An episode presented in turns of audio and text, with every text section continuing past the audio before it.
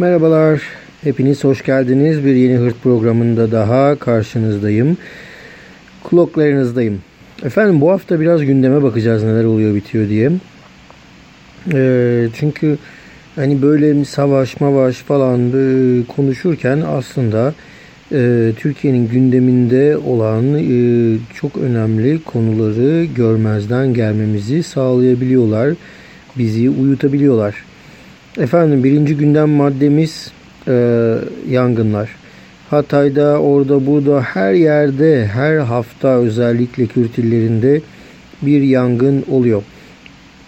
Geçtiğimiz haftada da Hatay'da başlayan yangın önce işte Aa, bu yangını e, PKK'liler çıkardı şeklinde bir atıfta bulunsalar da sonra e, haberin yalanlanması ve aslında o videoların çok daha önce başka yerlerde çekildiğinin ortaya çıkması üzerine Hatay'daki yangının ne olduğu ile ilgili hmm, ben bu kaydı yaptığım süre içerisinde sadece iki kişi tutuklanmıştı.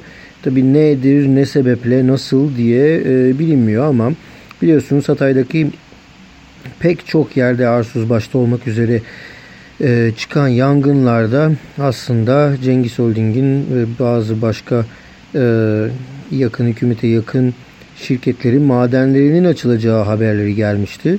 Bakan Pakdemirli Çevre ve e, Orman Bakanı pardon Orman Bakanı Pakdemirli bu konuyu yalanlasa da pek çok e, önümüzde e, aslında soru işareti duruyor. Bu çıkan yangınlar biliyorsunuz eğer maden yapacaklarsa ya da bir yere otel yapılacaksa ama hazine arazisi ise ağaç varsa kesemedikleri için biliyorsunuz Gezi'den hatırlarsınız e, kesince olay çıkar e, dediklerinden ne yapıyorlar? Önce yakıyorlar. E, yakmak için de birkaç kişinin eline birkaç e, bin lira tutuştursanız yeterli. E, ama e, bunun en önemlisi tabii şimdi bakan dedi ki buraları biz ağaçlandıracağız tekrardan e, dedi. Dolayısıyla şimdi biz ona güvenmek zorundayız. Bakacağız önümüzdeki dönemde ne kadar neresi ağaçlandırılıyor. Heybeliada'da yaşayanlar bilirler. Heybeliada'da 90'larda çıkan bir yangında Çam Limanı kül olmuştu neredeyse. Ben de bir arkadaşımla birlikte Rafi ile o e, ara denizdeydik. Gittik e, yangına e, müdahale etmeye çalıştık kovalarla vesaire denizden. Çok garipti, çok e, ilginç ve garip bir anı olarak hayatımda duruyor. Tabii o Çam Limanı sonrasında tekrar ağaçlandırıldı ama hiçbir zaman Çam Limanı eskisi gibi bir Çam Limanı olmadı. O ağaçlandırma e, sırasında oraya birkaç tane de bina kondurdular. O yüzden böyle hani e, çimlendireceğiz, ağaçlandıracağız sözlerine pek güvenesim gelmiyor. Onun dışında bu orman yangınları ile ilgili neler yapılabilirdi onu düşünmek gerekiyor. Bu orman yangınları ile ilgili e, biliyorsunuz bu eğer dağlık yerlerdeyse araçların giremeyeceği yerlerdeyse zaten çok zor erişim olduğundan uçak alımları yapılıyor e, Türk Hava Kurumu'nun Orman Bakanlığı'na e, bağladığı e, bir uçaklar vardı Türkiye'de. Yangın söndürme e, uçakları. Ancak yangın söndürme uçakları kullanılamaz halde olduğunu söylüyor Orman Bakanı. Kimseyi bindiremiyoruz. E, güvenlik gerekçesiyle binmek istemiyorlar diyor. Doğrudur bu uçaklar eski uçaklar. Ve kimse bu uçaklara binmek istemiyor ama neden bugüne kadar yeni bir şey yapılmadı, alınmadı? O da enteresan. Yani bu uçaklara bakım yapılmadı. O da başka bir konu. Ee, tabii bir başka işin ilginç yanı bu kadar Rusya ile Türkiye arası bozuk ya da işte ekonomik olarak birçok Rusya e, yağcılık yapılıyorken ve iş e, alınıyorken Türkiye'de e, uçaklarla ilgili de e, Rusya'dan bir e, firmadan yangın söndürme uçakları kiralandığı haberi gelmişti geçen sene. E, THK'nın bu uçakları ne oldu peki? THK'nın bu uçakları, Türk Hava Kurumu'nun bu uçakları, bu eski uçakları satışa çıkarılmış. E madem bu kadar güvensiz bu uçakları niye satıyorsunuz arkadaş? E, binen insanlar yani özel olarak bu uçakları kiralayacak ya da satın alacak olan insanlar güvenlik e, güvenlik sorunları yaşayacaklar demektir. Değil mi? E, siz alır mıydınız bakanın kendisinin güvenlikli olmadığını söylediği bir uçağı? Ve öte yandan Rusya'ya bu uçaklar için kiralık bedel ödeniyor. Yani günlüğü mü haftalığı mı ne böyle inanılmaz paralar 760 bin TL gibi ım, paralar ödeniyor. E işte dolayısıyla ne oluyor? Bu uçakları kullanmak için tereddüt ediliyor. Yani çok ihtiyaç yoksa uçağı kullanma e, yınız. Çünkü çok para gidecek diyor. E, bu uçakların ihalesiyle ilgili de zaten sorunlar yaşanmıştı. Ne oldu, ne bitti, nasıl oluyor diye. E, bir sürü soru işareti.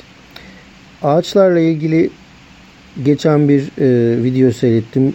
Avustralya'da yanan ağaçlar nasıl, e, ormanlar nasıl yeşillendiriliyor diye.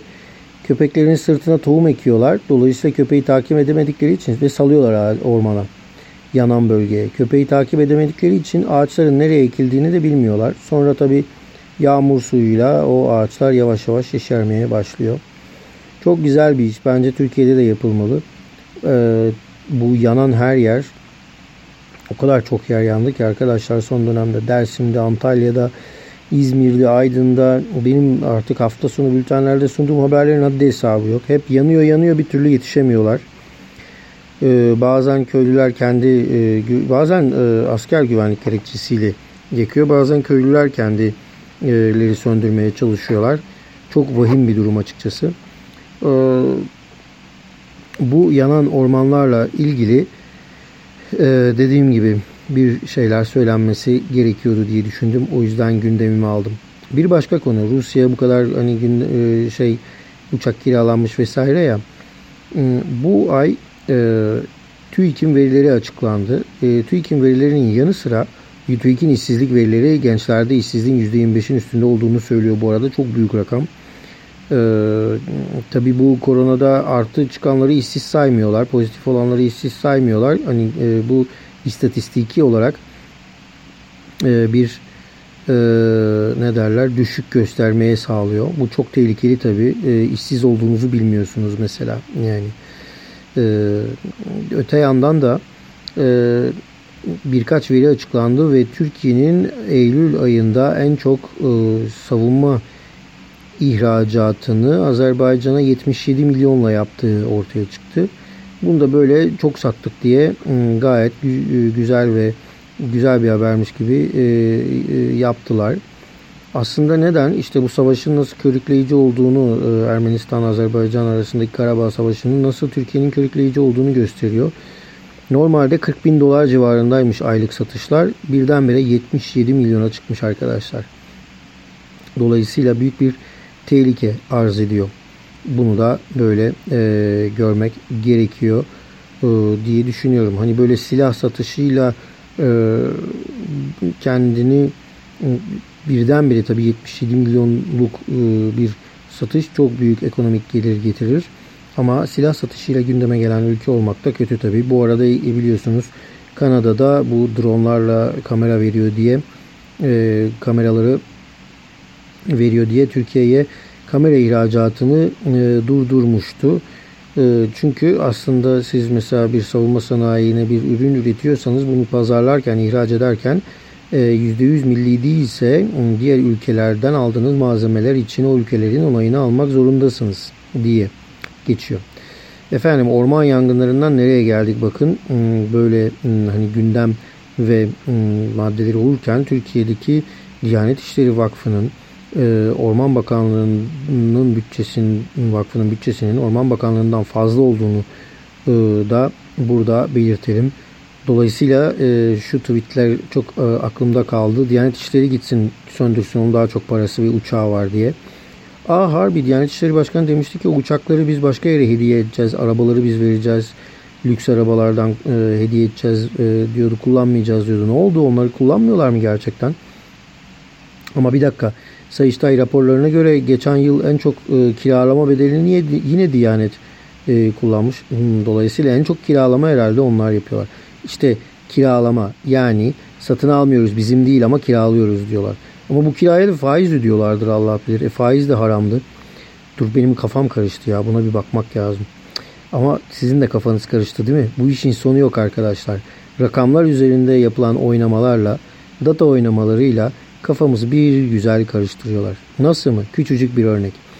Mesela Türkiye e, varlıkları varlık fonu e, oluşturuldu biliyorsunuz. Hiçbirimiz ona ne e, denetleme görebiliyoruz, denetlemeyi görebiliyoruz ne de hesap sorabiliyoruz. Bu varlık fonunun içerisine geçtiğimiz ay devletin en büyük devletin bankaları, Halk Bankası, Ziraat gibi bankaların sigorta fonları bu varlık fonu içerisinde birleştirildi. Neden mi? Bankaların kendi rezervleri artık kullanılamıyordu Türkiye'nin ekonomisini ayakta tutmak için. En büyük rezerv nedir arkadaşlar? Bizim maaşlarımızdan e, devlete ödediğimiz vergiler ki emekli olduğumuzda size bize geri ödensin. İşte bu emeklilik maaşlarının birleştiği bir sigorta fonu var. E, Halkbank'ta, Ziraat'te, orada, Vakıf Bank'ta, orada, burada. İşte bu e, bankaları artık birleştiremeyince devletin varlık fonu altında bunların sigorta fonlarını birleştirdiler. E, bu sigorta fonları birleşince ne oluyor? Aslında inanılmaz bir para ortaya çıkıyor. Bu para ne oluyor? Varlık fonu tarafından istenildiği gibi kullanılabiliyor. İstenildiği gibi kullanırsan olur. Şu anda sizin geleceğiniz yeniyor olur. Emekli olduğunuzda size ödenecek bir emekli maaşı olmayabilir Türkiye'de. Paranın pul olduğu, Euro'nun 9'un bilmem kaçını geçtiği, doların 7'ler 8'leri gördüğü Türkiye'de evet çok zor. Düşünebiliyor musunuz? Euro ile e, yurt dışından e, bir şey alacak olsanız ya da aldığınızda inanılmaz bir e, ne derler fakirlikle karşı karşıya kalacak.